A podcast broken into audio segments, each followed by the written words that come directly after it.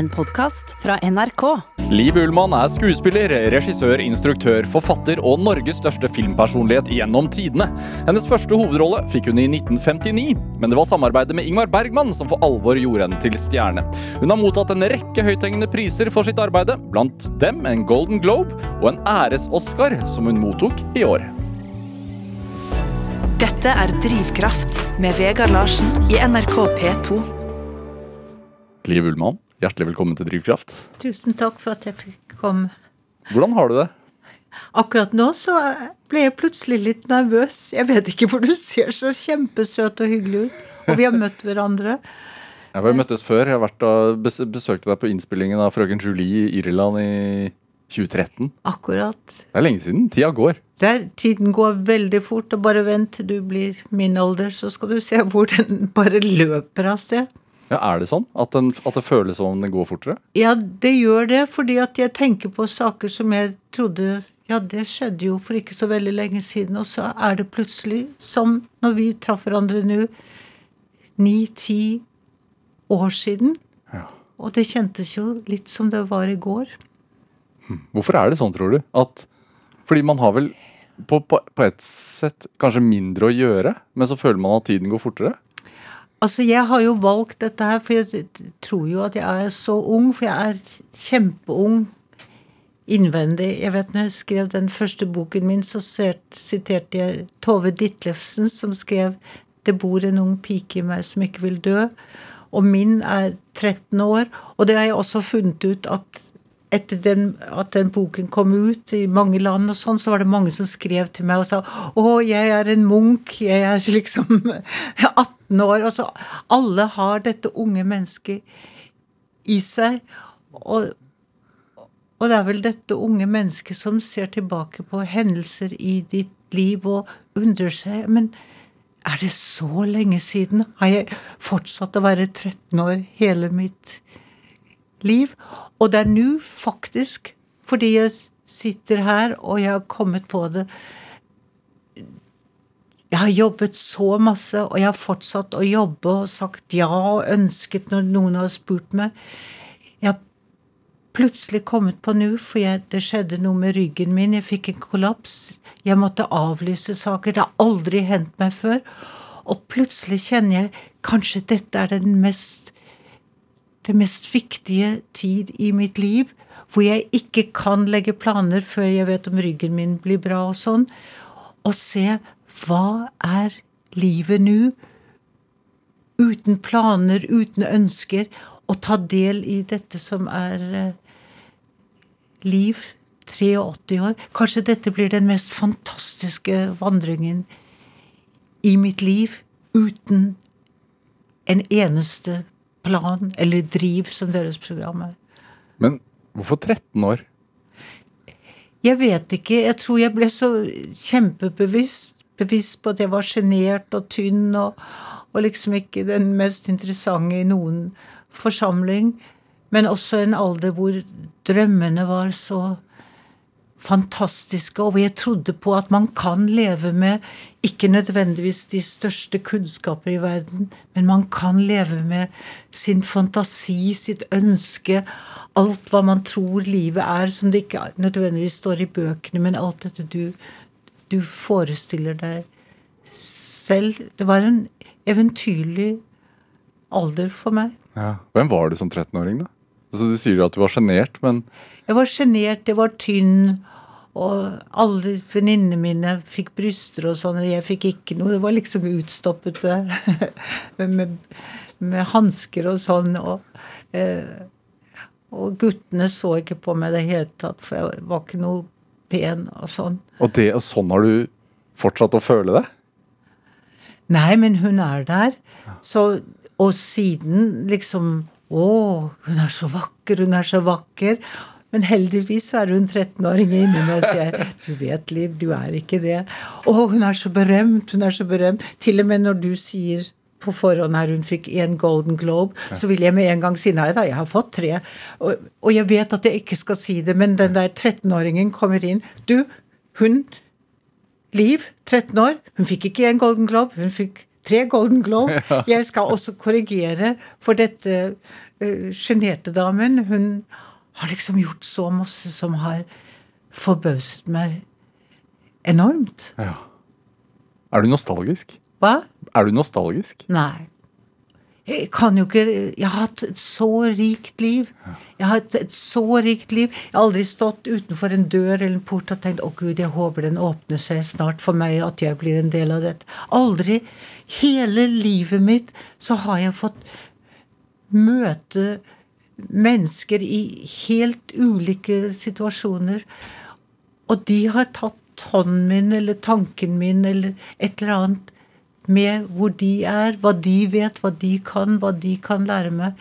Jeg har vært omgitt hele liv, livet mitt av uh, møter og åpne dører. Og av og til har det vært litt grusomt, og jeg har tenkt å, våger jeg dette? Men jeg vet jo at hvis jeg ikke velger, så taper jeg meg selv. Det å velge for meg er nesten det viktigste i livet. Også fordi jeg har fått så mange sjanser. Og hvis jeg ikke våger å velge Jeg vil ikke tape den muligheten jeg har her i, i livet. Ikke ambitious, det er ikke det jeg snakker om, men uh, å leve en annen mulighet, noe som er så annerledes enn noe jeg har vært borti før, og plutselig er det der. Ja, da skal, da skal jeg være med. Har du eksempler på sånne veivalg? Hvor du har stått i, i, et, i et, slags kryss og, og valgt retning? Ja, det, ofte i, i, mitt yrke ved at jeg har møtt eh, Altså, var jeg heldig de Jeg kom ikke inn på teaterskolen. Det var nå ikke et veivalg fra meg. At de liksom sa 'takk, nå er det nok, Liv Ullmann'. Og jeg kom ikke inn. Det var ikke noe veivalg. Nei at jeg kom hjem til bestemoren min liksom den natten og, og, gråt i Oslo. Jeg hører til i Trondheim, men jeg var i Oslo for å komme inn på teaterskolen. Og, og, hun bare holdt om meg, og så var hun så god, og så var hun så varm, og så tilhørte jeg noen ting. Det var jo ikke et veivalg, det heller, men jeg, jeg, vet jo at Takk, det er nok, Liv Ullmann. Det er jo ikke veien min. Men noen som holder om meg og, og bryr seg om meg og forstår at at jeg er lei meg, og jeg er her, det er et velvalg. At telefonen ringte to dager etterpå, av noen som hadde vært der, en teatersjef fra et provinsteater, Rogaland teater, kommer og sier du, vi skal sette opp Anne Frank, og eh, har du lyst til å komme og bli en del av vårt, vårt miljø? Ja. Og bli elev?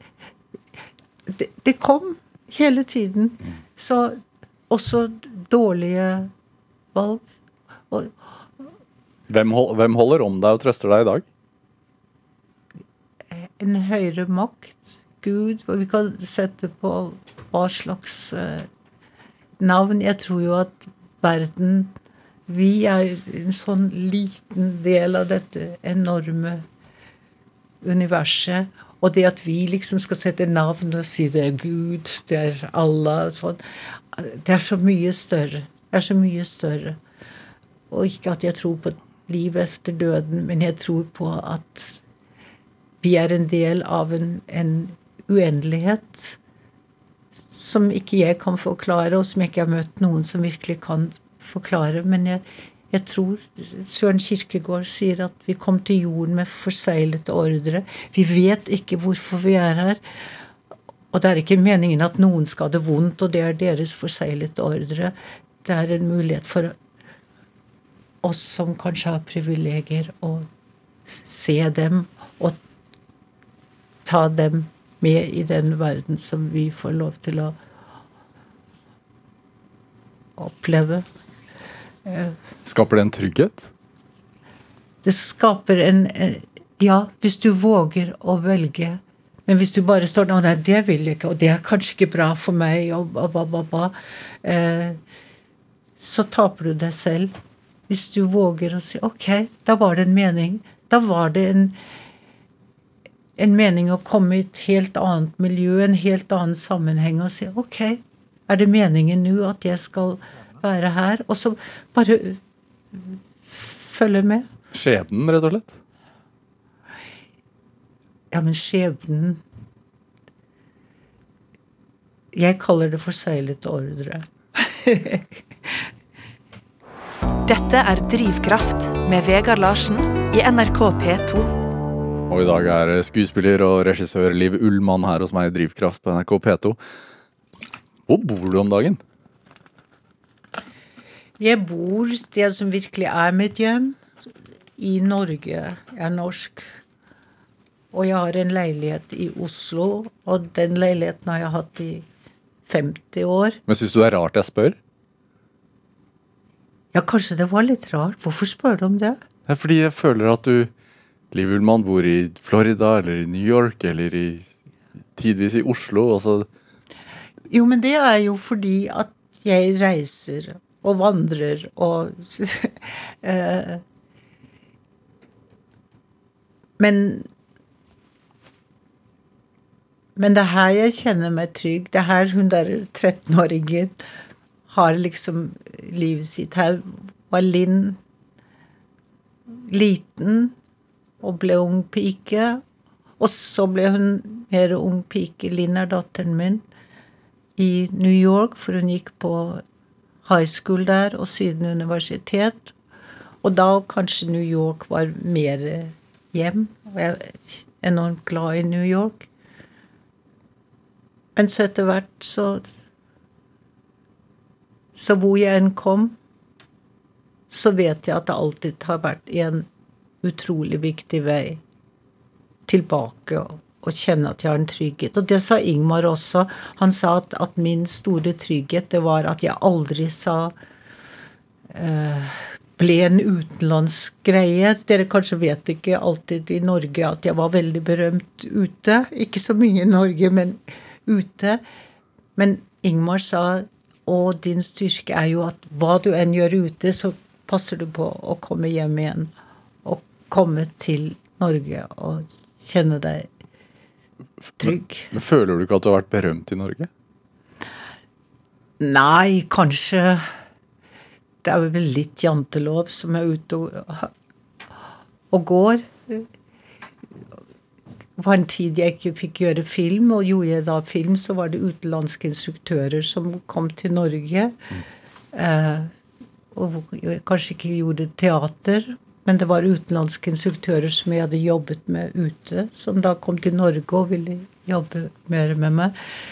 Eh, ikke siden Anne Margrit, som var en fantastisk film, og jeg er så glad for at jeg fikk gjøre en ordentlig norsk, fantastisk kvinne fikk jeg filmtilbud i det hele tatt fra Norge. Men ute Ute fikk jeg det. Og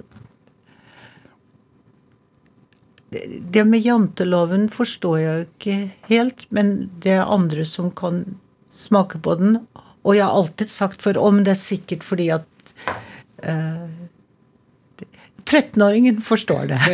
13-åringen forstår det. Men hvis man, hvis man skru, snur den på hodet, da. Hvorfor er det viktig å, å faktisk tro at man er noe? Nei, det er jo ikke viktig i det hele tatt. Men jeg har jo ikke trodd at jeg var noen. Og jeg trodde at, at hvis man tror man er noen, da kanskje janteloven kommer. Ja. Jeg, har, jeg, er ganske beskjeden. Jeg har liksom aldri trodd at jeg var spesiell, og jeg er ikke spesiell. Men jeg vet ikke at hver gang jeg kom hjem, og når jeg giftet meg med han som jeg enda lever sammen med, og vi kom til Norge, og så sitter vi liksom i bilen og hører på radioen, og så kom Hvem er det vi kaller hulkeliv? Nå får dere tre svar, og sånn. Og så var det veldig ofte meg og sånn jeg ble ikke såret, men det var veldig forskjell på å være av og til en tid hjemme. Men det var sikkert bra også, for jeg ble overrost. Overtatt vare på, overhyllet ute. Så egentlig kanskje det var kjempebra. Egentlig, så når jeg sitter her og tenker på det, så tror jeg det var veldig bra. For jeg har veldig lett for Når folk sier noe pent til meg, så så tror jeg jo på det.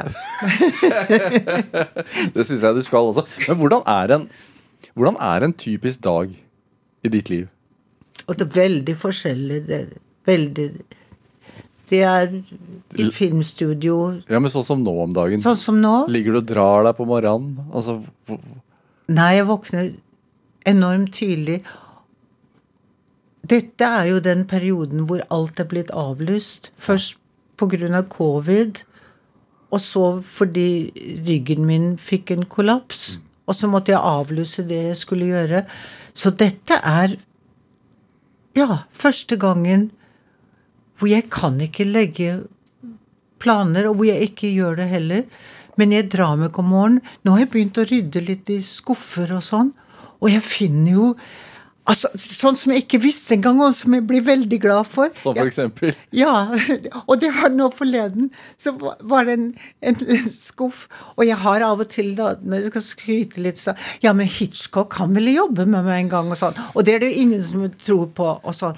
Men så finner jeg et avisutklipp fra Los Angeles Time, Ja. som er altså da 30 eller 40 år gammelt mens han levde, hvor det står Yeah, I'm going to use Liv Ullmann. And, oh, she's so wonderful. And so, but she's doing a musical, you know, and I have to get her out of that musical. på Broadway. Ja, på Broadway. Og det, she doesn't fit into musicals. Og musicalen, det var jo med Richard Rogers. Det var den siste han skrev. Og så for meg Så tenkte jeg å gud, har Hitchcock liksom prøvd å få tak i meg mens jeg skulle gjøre noe annet med Richard Rogers? Og det var jo veldig bra at jeg ikke visste at jeg hadde det valget. For kanskje jeg hadde tenkt å ja, Hitchcock, det er kanskje noe. Og jeg kan jo ikke synge, så kanskje Richard Rogers. Men da, det var også livets tilfeldigheter. Jeg visste ikke om denne kampen med min agent eller noen ting før jeg så dette i Los Angeles Times. Nei. At han beklager, hva er det hun holder på med på Broadway? Modig valg da, å stå på scenen på, på Music Hall på Broadway og synge og danse. Ja, det var Og jeg var ikke redd, egentlig. Jeg, enda det var en veldig oppreklamert sak, da, for det var Richard Rogers siste, og, og jeg var så stor der, og, og Men alle Altså, ballettdanserne holdt meg opp, og jeg var i midten der, og jeg hadde syv uh, sanger. Og Richard Rogers var kjempesøt. Han kom hver eneste dag. Forestillingen så sto han We did it again, we did it again. Og det har nok ikke gått over i historien som den mest vellykkede musicalen noensinne. Men jeg kan ikke oppleve noe i meg som sier det skulle du ikke ha gjort. Altså, Linn var jo ung og ble venner med alle barna mine på scenen, for jeg var jo en, en mor. Og hadde det kjempegøy. Alle var søte. Alle var hyggelige. Eh, Jeg kan ikke huske annet enn at faktisk også Linn fant frem på Hva heter det på Google eller et eller annet opptak fra en av sangene mine. Og jeg synger jo ikke så dårlig heller. Det var et kjempegodt valg, og jeg gjorde det på tross av hva jeg kanskje visste om meg selv. Men jeg hadde sånn som farmor som holdt om meg når jeg ikke kom inn på teaterskolen, så hadde jeg Richard Rogers som aldri med et ord sa liksom, I, probably should have had somebody else in my last musical. Tvert imot, han sa We did it together. Altså Igjen et valg som ikke var valg. Det å, det å angre på noe, er det noe vits? Nei, det er jo ikke det. Det med Hitchcock, det hørte jeg, men jeg visste ikke at jeg hadde et valg. Det så jeg bare i avisen. Eh, du velger det hvor hånden er der for deg. For å gå over til noe helt annet. Den aller første gangen når jeg begynte å jobbe for UNICEF, og jeg var i Goodwill-ambassadør i mange år. var Ja. Goodwill, jeg var den første kvinnelige goodwill-ambassadøren for UNICEF. Og jeg er i en ørken i Sahara, og mennesker sitter der og venter på vann som ikke kommer. Når de behøver det, mat som ikke er der når de må ha det. Og en liten gutt som bare tar fingeren min, fem år, seks år, det vet jeg ikke. Når han gikk fra meg og slapp fingeren min, så var det en liten rynket kropp og en liten rumpe som en gammel mann. Han visste ikke hvem jeg var, jeg vet ikke hvem han er. Jeg vet ikke hvorfor han tok fingeren min. Og jeg vet ikke hvorfor han slapp den, men jeg vet at den fingeren i hånden min er der hele livet. Det er ikke en mulighet at et sånt valg er ikke som et valg, men som en berøring. Akkurat som farmor. Eh, og så fortsetter du og gjør kanskje andre valg. Men du tenker på du kjenner det i fingeren? Han, han er jo der. Han er jo der. Vi vet ikke. Vi vet ikke når kanskje noe som ikke slår på trommen, er Dere kaller dere selv driv. Det er jo det som er er driven. Vi må bare leve enormt bevisst. Vi må se hvem, hvem mennesker er, og ikke sitte og snakke om det og sånn, sånn som jeg faktisk gjør nå. Du må bare leve et, et, liv hvor du forstår at livet er eh, viktig. Og så gjør du masse feil og sånn. Men it's sealed orders somehow. Livelmann, skal vi spille litt musikk? Skal vi spille musikk? Ja. Jeg veit at du har med et stykke som betyr veldig mye for deg. Et uh, Anton eh, Rubinstein-stykke. Uh, hva, hva, hva, er dette her for noe? Hvorfor har du valgt det? Det er så rart. Vet du, mamma var yrkeskvinne, og mamma var enke fra jeg var seks år og søsteren min var åtte. Og som alle unge og barn og voksne og eldre, så har du konflikter med mamma og sånn. Men min mamma var god og fantastisk. Men det var ikke alltid at, at jeg så det eller, eller forsto det. Jeg vet når mamma døde, så, så mye av meningen i livet ble så annerledes. Og så tenkte jeg ofte på hennes yndlingsmusikk var Melodi F. Og jeg har aldri sagt til henne da, når hun levde, og mamma, takk for at du introduserte meg til klassisk musikk, for hun tok meg med på operaer og sånn da jeg var liten. Å gud, jeg kjeda meg, og typisk mamma, må jeg sitte på opera, og hun gjorde ditt og datt. Hun ga meg bøker, jeg leste, jeg lærte. Hun sto og gråt på stasjonen når jeg reiste til Oslo for å gå på prøve på teaterskolen. Jeg trodde å, nå er hun opptatt av seg selv, når det, nå handler det om henne. Mamma gråt jo for en 17-åring som ikke er ferdig på skolen engang. Reiser til Oslo. Det var jo kjærlighet. Jeg forsto det ikke. Og så dør mamma. Og så er det Melodi F. Og jeg kjøpte Melodi F. Jeg hadde det hjemme. Og når jeg var på restauranter hele livet mitt, og de sitter noen og spiller piano, så spør de Which melody do you want to have? Melody F. Og så sitter jeg der, og så av og til lytter folk på Melodi F, og av og til snakker de. Men jeg og mamma, vi har vår sak som, som hender. Og, og når jeg kom hjem til, til her til Oslo hver gang jeg kom. Før så var det i Bristol en eh, gammel, eldre mann som satt der. Og hver gang han så meg, så setter Melodi F på. Han bryter det han, han, spiller, og så spiller han Melodi F. Og da har jeg også en samkvem med han. Ingen vet at vi har samkvem. Og nå er han borte. Jeg vet ikke hvor han er lenger. Jeg vet ikke hvor han er lenger. Men det å komme inn på Bristol og ha samkvem med ham det var Melodi F, og det var samkvem med mamma. Det er Skjønner du hva jeg mener? Ja, veldig. Ja. Skal vi høre den? Ja.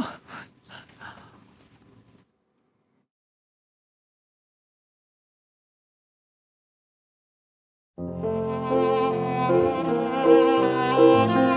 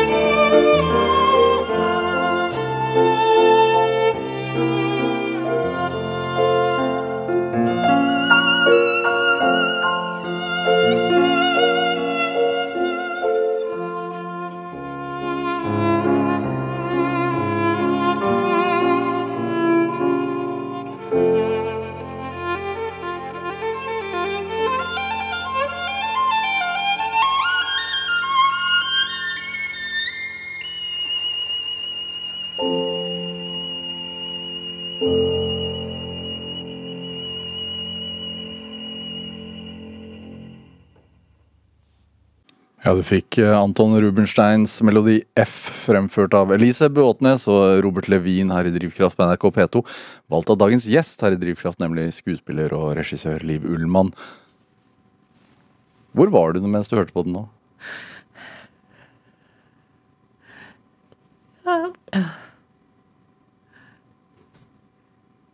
Jeg, bare, jeg kjente bare sånn fin fred og, og tenkte på mamma. og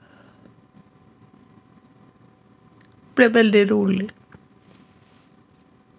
Hva tenker du på da, når du, når du tenker på moren din? Hva jeg tenker på Mm. når. Ja. Hvilke bilder får du i hodet? Og når du får virkelig fantasibilder, du får dem ikke i hodet, skjønner du.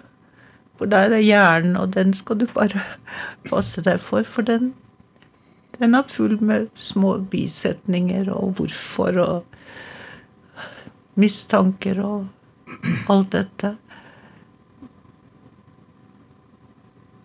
Det du kjenner, er en, bare en sånn usigelig fred. Det er, vel kanskje sånn å meditere. Jeg er ikke så flink til det, men Og så så jeg faktisk han på Bristol som satt og spilte på piano, og jeg lurer på hvor han er. Eh, men fred, det er den stillheten Jeg mener, vi, vi eksisterer oppi hodet, men vi eksisterer også her I hjertet?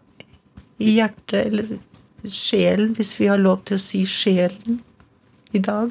Digitale verden. Sjelen er der enda, og den er ikke på digital eller i hjernen eller noe sted. Du kan, du kan være der. Det er stille, det er et hjerteslag, og så er det stillhet, og så er det et nytt hjerteslag i den stillheten. Det er, det er fred. Du, du kan ikke forklare det. Du kjenner det. Du kan se på noen. Jeg kan se på deg nå, og jeg kan smile til deg. Men jeg kan ikke forklare hvorfor jeg smiler og kjenner ømhet. Så når du blir beveget og, rørt av denne, dette stykket, så er det gode tårer som kommer? Å ja. Å å ja. Bare gode tårer. Bare gode tårer. Men du kan selvfølgelig oppleve her inne Du kan se på den krigen som er i Ukraina nå. Du kan se De kommer med små barn. To år. Og, og du ser ansiktene på de voksne som har, har mistet så mye av livet sitt. Og så ser du bare dette barnet som ser et eller annet merkelig der, og så ser du bare et nydelig smil av et lite barn som ikke fatter hva det barnets liv er, eller fremtid, eller mangel på fremtid. Du ser bare dette barnet. Hei! Og smil. Hvorfor smiler jeg? Fordi at han kjenner akkurat da glede. Det er den freden som vi kanskje ikke alltid kan forklare når vi selv kjenner det. For det kommer ut ifra noe uopplevd, noe veldig levd. Noe som har med valg å gjøre, men bare et, et blindt valg akkurat nå. Får det deg til å tenke, når du ser de barna som flykter nå, får det deg til å tenke at du er flyktning selv? At du flyktet fra, fra Japan i veldig ung alder? Ja, men det, det var jo en sånn privilegert flyktning, egentlig. Men når jeg var to år, så kom andre verdenskrig, og så var vi den siste båt ut fra Tokyo og til New York og Canada, hvor pappa var sivilingeniør i uh, en norsk Camp Little Norway Ja. i, i Toronto. Hvilket år var dette? Hvor dere reiste fra Tokyo? Du ble født der? 1940, Ja. akkurat når verdenskrigen skjedde. Det var like før Pearl Harbor. Ja. Du var to år. Ja. Så jeg husker jo ikke noe av det, annet enn masse bilder og sånn som, som mamma har fortalt. Hva husker du av Canada, da? Ikke så mye. Jeg husker Tor Heyerdahl var der. og vi traff hverandre mange, mange tusen år etterpå. På olympiaden i Norge, Lillehammer. Da var vi med begge to, og da fortalte han meg, fortalte meg om pappa, sånn som jeg ikke visste, for pappa døde jo under krigen. Eh, og, og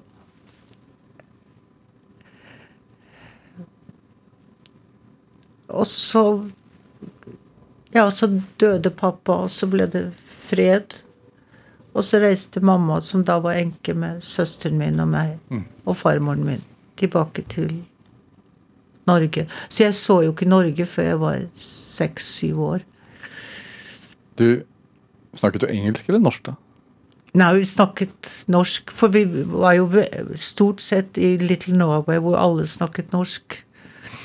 Og søsteren min snakker i dag, fordi hun begynte på skolen, flytende, uten aksent. Dattera mi, som gikk på universitet og high school i New York, snakker flytende uten aksent. Og jeg, som er den eneste som da må bruke språket på scenen og sånn, jeg har aksent. Og den har jeg altså ikke blitt kvitt. Og det jeg har hatt på scenen i Norge, fordi jeg kommer fra Trondheim, og denne lille trønderslengen henger ved. Og liksom når jeg begynte med Ingmar, så var det språk igjen. Da skulle jeg late som jeg snakket svensk. Og i Sverige trodde de det var norsk, og i Norge tenkte jeg å gud. Så jeg har alltid hatt problemer med språket. Men jeg kjenner meg veldig komfortabel på engelsk.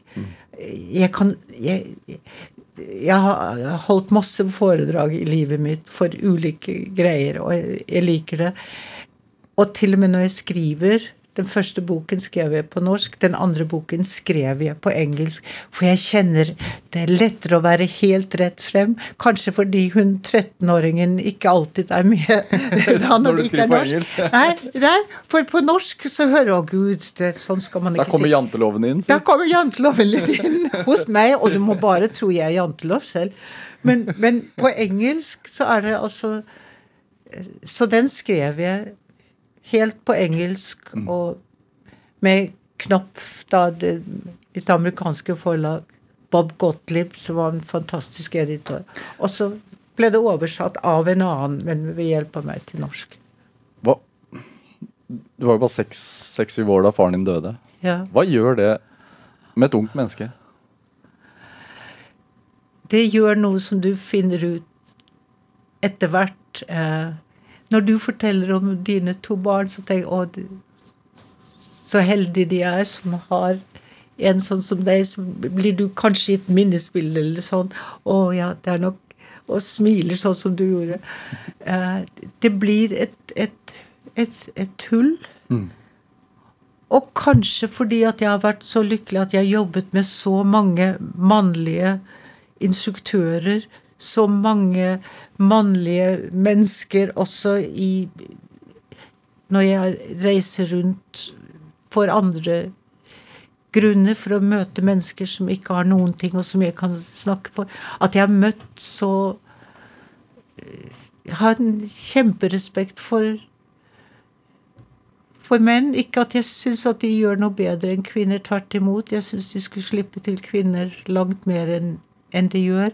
Men fordi at eh, jeg kan litt i skjul. Jeg kan skrive ned tanker som de har, og så kan jeg gjøre det om til mine egne tanker. For menn er veldig flinke til å forelese.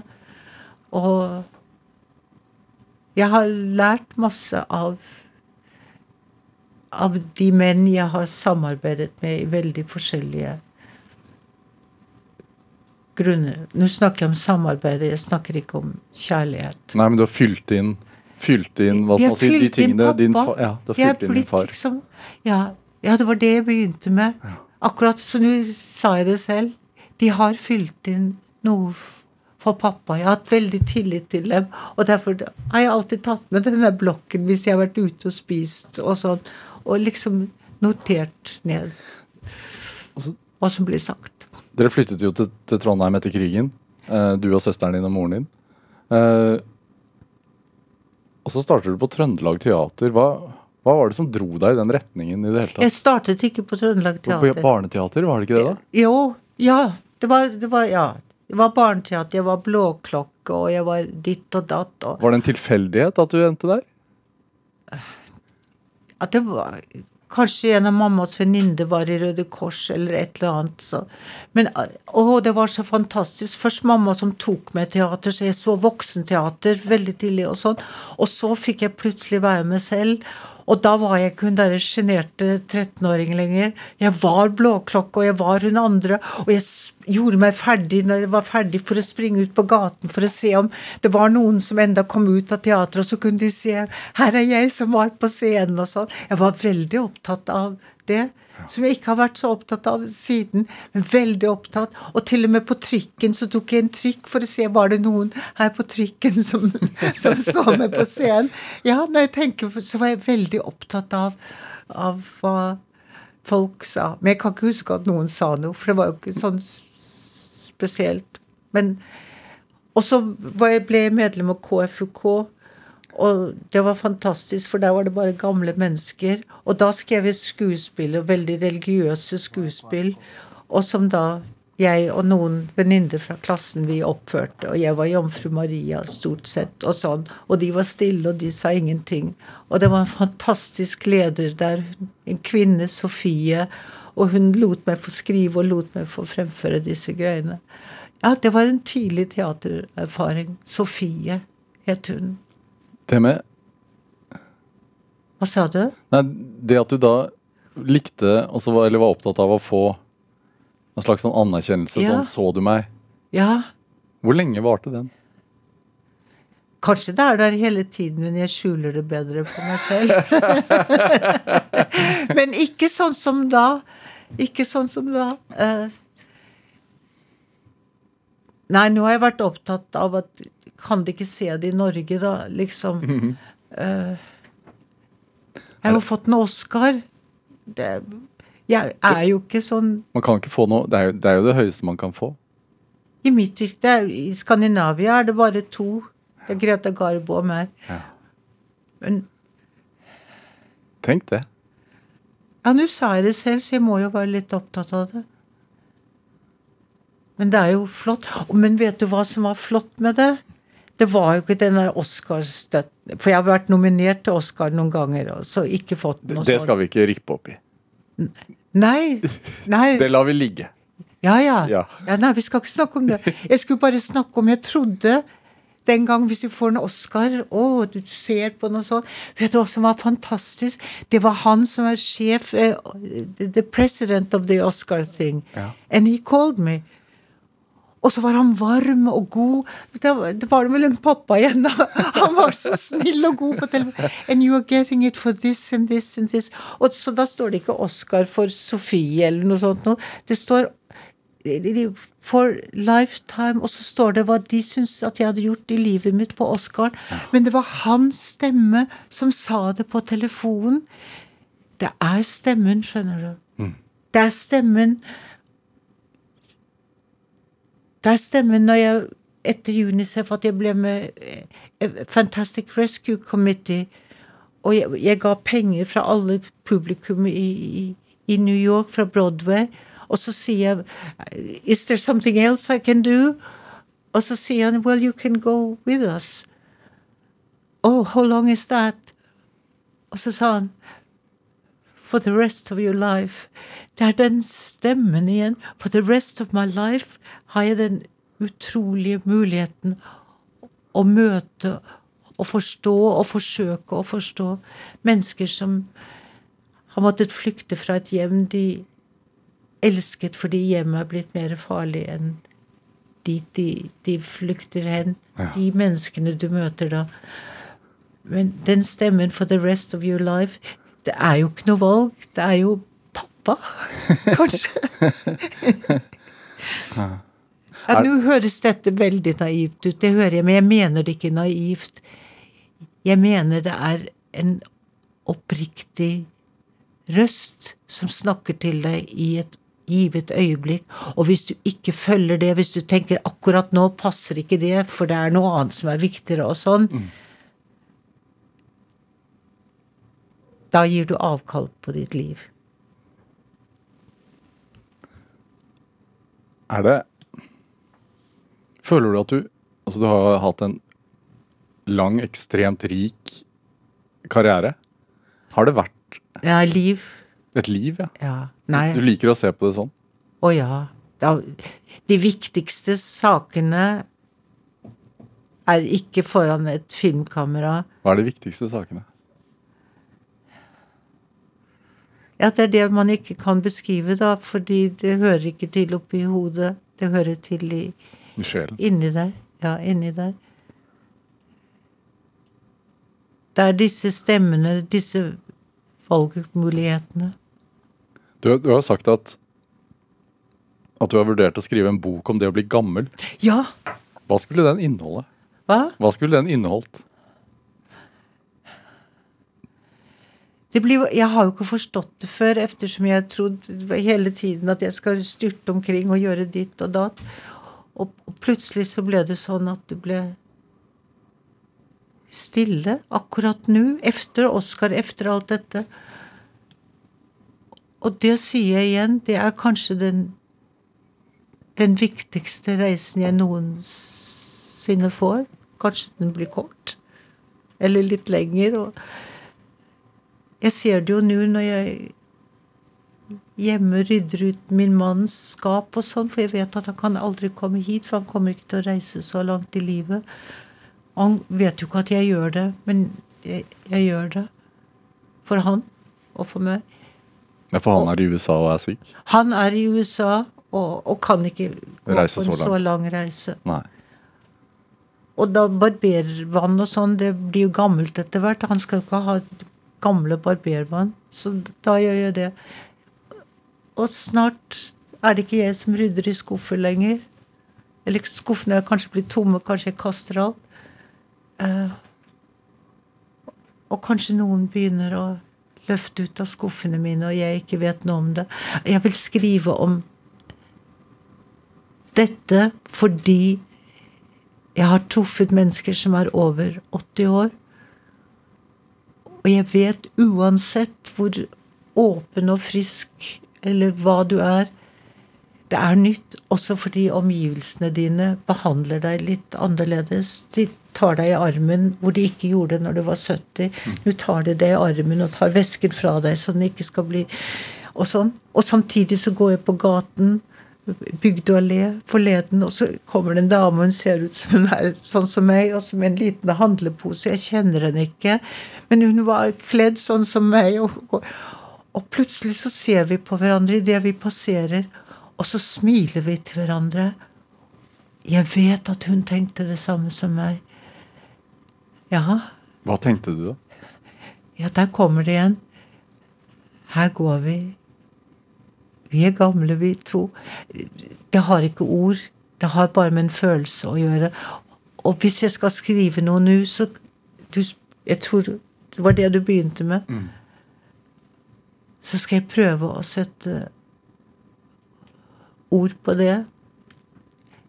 Jeg har et forlag som gjerne vil jobbe med meg. Men jeg hadde også bestemt meg til at nå skal jeg ikke ha jobb. Nå skal jeg bare gå inn i dette. Så jeg vet ikke Ser man mer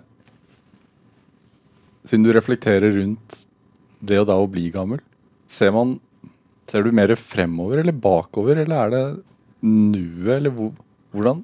Du skjønner, jeg blir ikke gammel. Jeg er gammel. Men jeg har ikke forstått det ordentlig. Jeg forsto det ikke for tre måneder siden at jeg er gammel. Jeg er gammel. Det kanskje er en utrolig interessant reise, for du må, som du sier, se bakover, men du må se fremover. Og du må se på valgene du har tatt og hvorfor du gjorde det, og de menneskene du møtte, og hvorfor de kom i din vei. Og er dette tilfeldig, eller er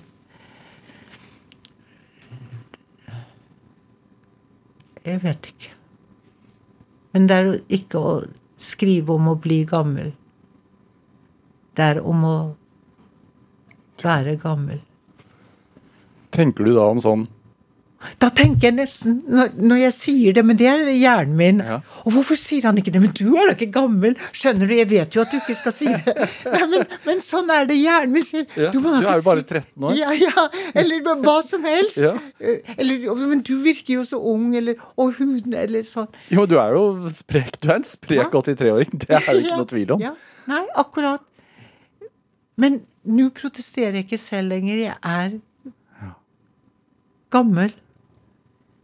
Og det er jo uhyre interessant å kunne skrive noe om det. Som jeg gjør selv. Det er ingen andre. Det er ikke fordi de tar meg i armen. Det, det, det er sånn. Mm. Hvis livet er fullt av undre for oss som er heldige, og full av tragedie når vi er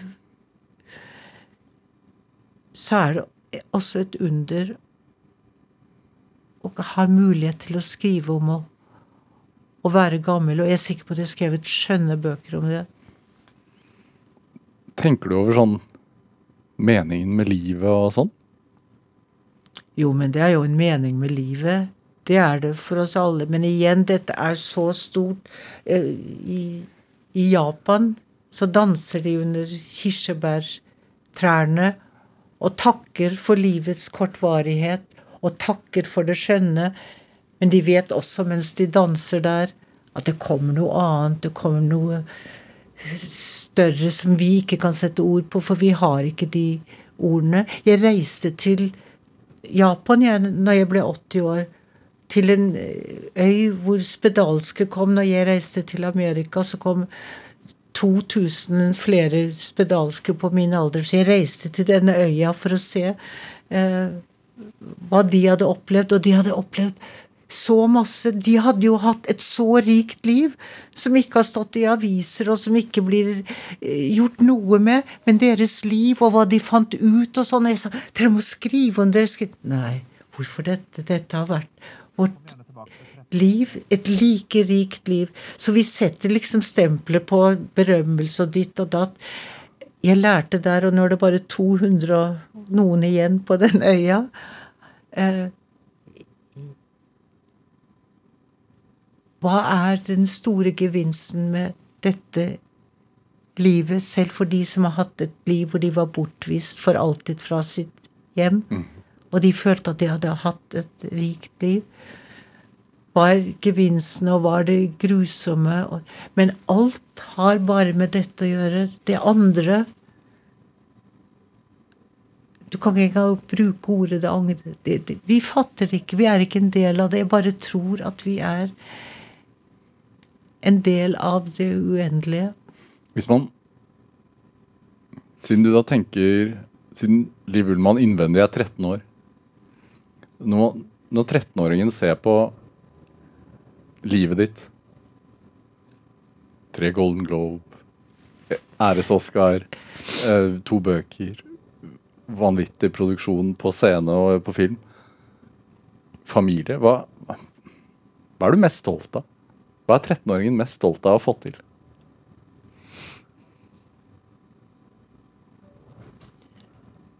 At jeg eh, tror at det viktigste jeg kan gjøre, er å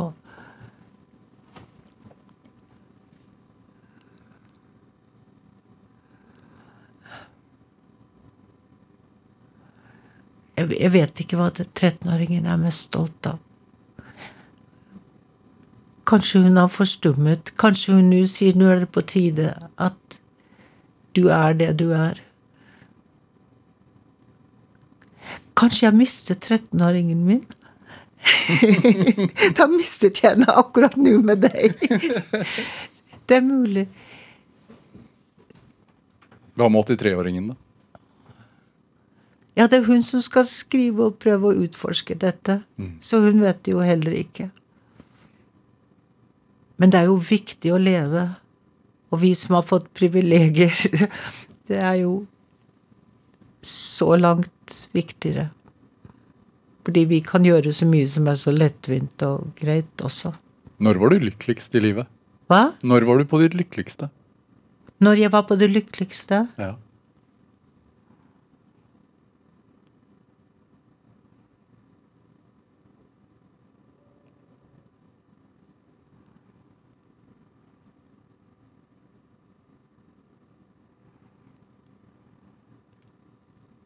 I kjærlighet.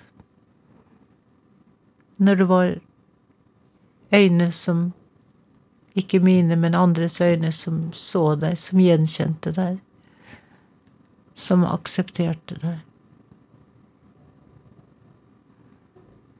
Og det kan være både i barn og barnebarn og Ja. Nærhet. Stillhet.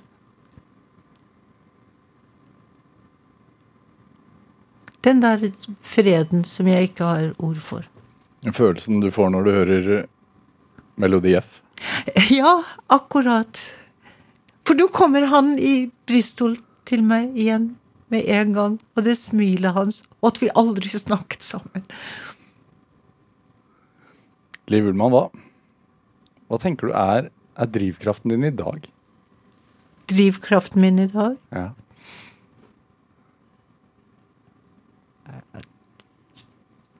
Jeg kan ikke bare sette meg ned og løse kryssord. Jeg har masse krefter. Eh, Det er spennende å, leve, om du ser det fra mitt ståsted. Fra mange er ikke det spennende. For, det, for dem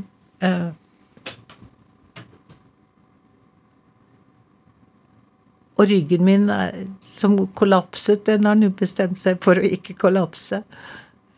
Akkurat nå. Muligheten. Jeg lever. Nå skal jeg gjøre mer hva det vil si å leve uten å måtte ha en plan som jeg alltid tar. Nå skal jeg være gammel og se hvordan det er. Lever man mer i, i nuet da? Ja, kanskje du setter fingeren på noe, for kanskje alt det jeg sier, er at jeg lever litt fremover. Jeg lever i reisene mine, jeg lever i mulighetene, jeg lever i privilegiene, alt dette. Men hvis jeg bare setter meg ned Kanskje det er første gang jeg virkelig lever i nuet. Det er mulig. Er det et godt sted å være? Ja. Akkurat nå så er det et godt sted å være. Liv Ullmann, tusen, tusen takk for at du kom hit til Drivkraft. Takk selv. Hør eh, flere samtaler i Drivkraft på nrk.no eller i appen NRK Radio. Send oss eh, gjerne ris og ros og tips til mennesker som du mener har drivkraft. Send den e-posten til drivkraft, krøllalfa, nrk.no. Vi hører veldig gjerne fra deg. Produsent i dag var Kjartan Aarsand, og Anne Sofie Stang bidro også sterkt til denne sendingen. Her i P2 får du straks Dagsnytt, etterfulgt av Kompass, der det som vanlig skal handle om tro, livssyn og verdiene vi navigerer etter i samfunnet. Dette var Drivkraft. Jeg heter Vega Larsen. Vi høres. Du har hørt en podkast fra NRK. Hør flere podkaster og din NRK-kanal i appen NRK Radio.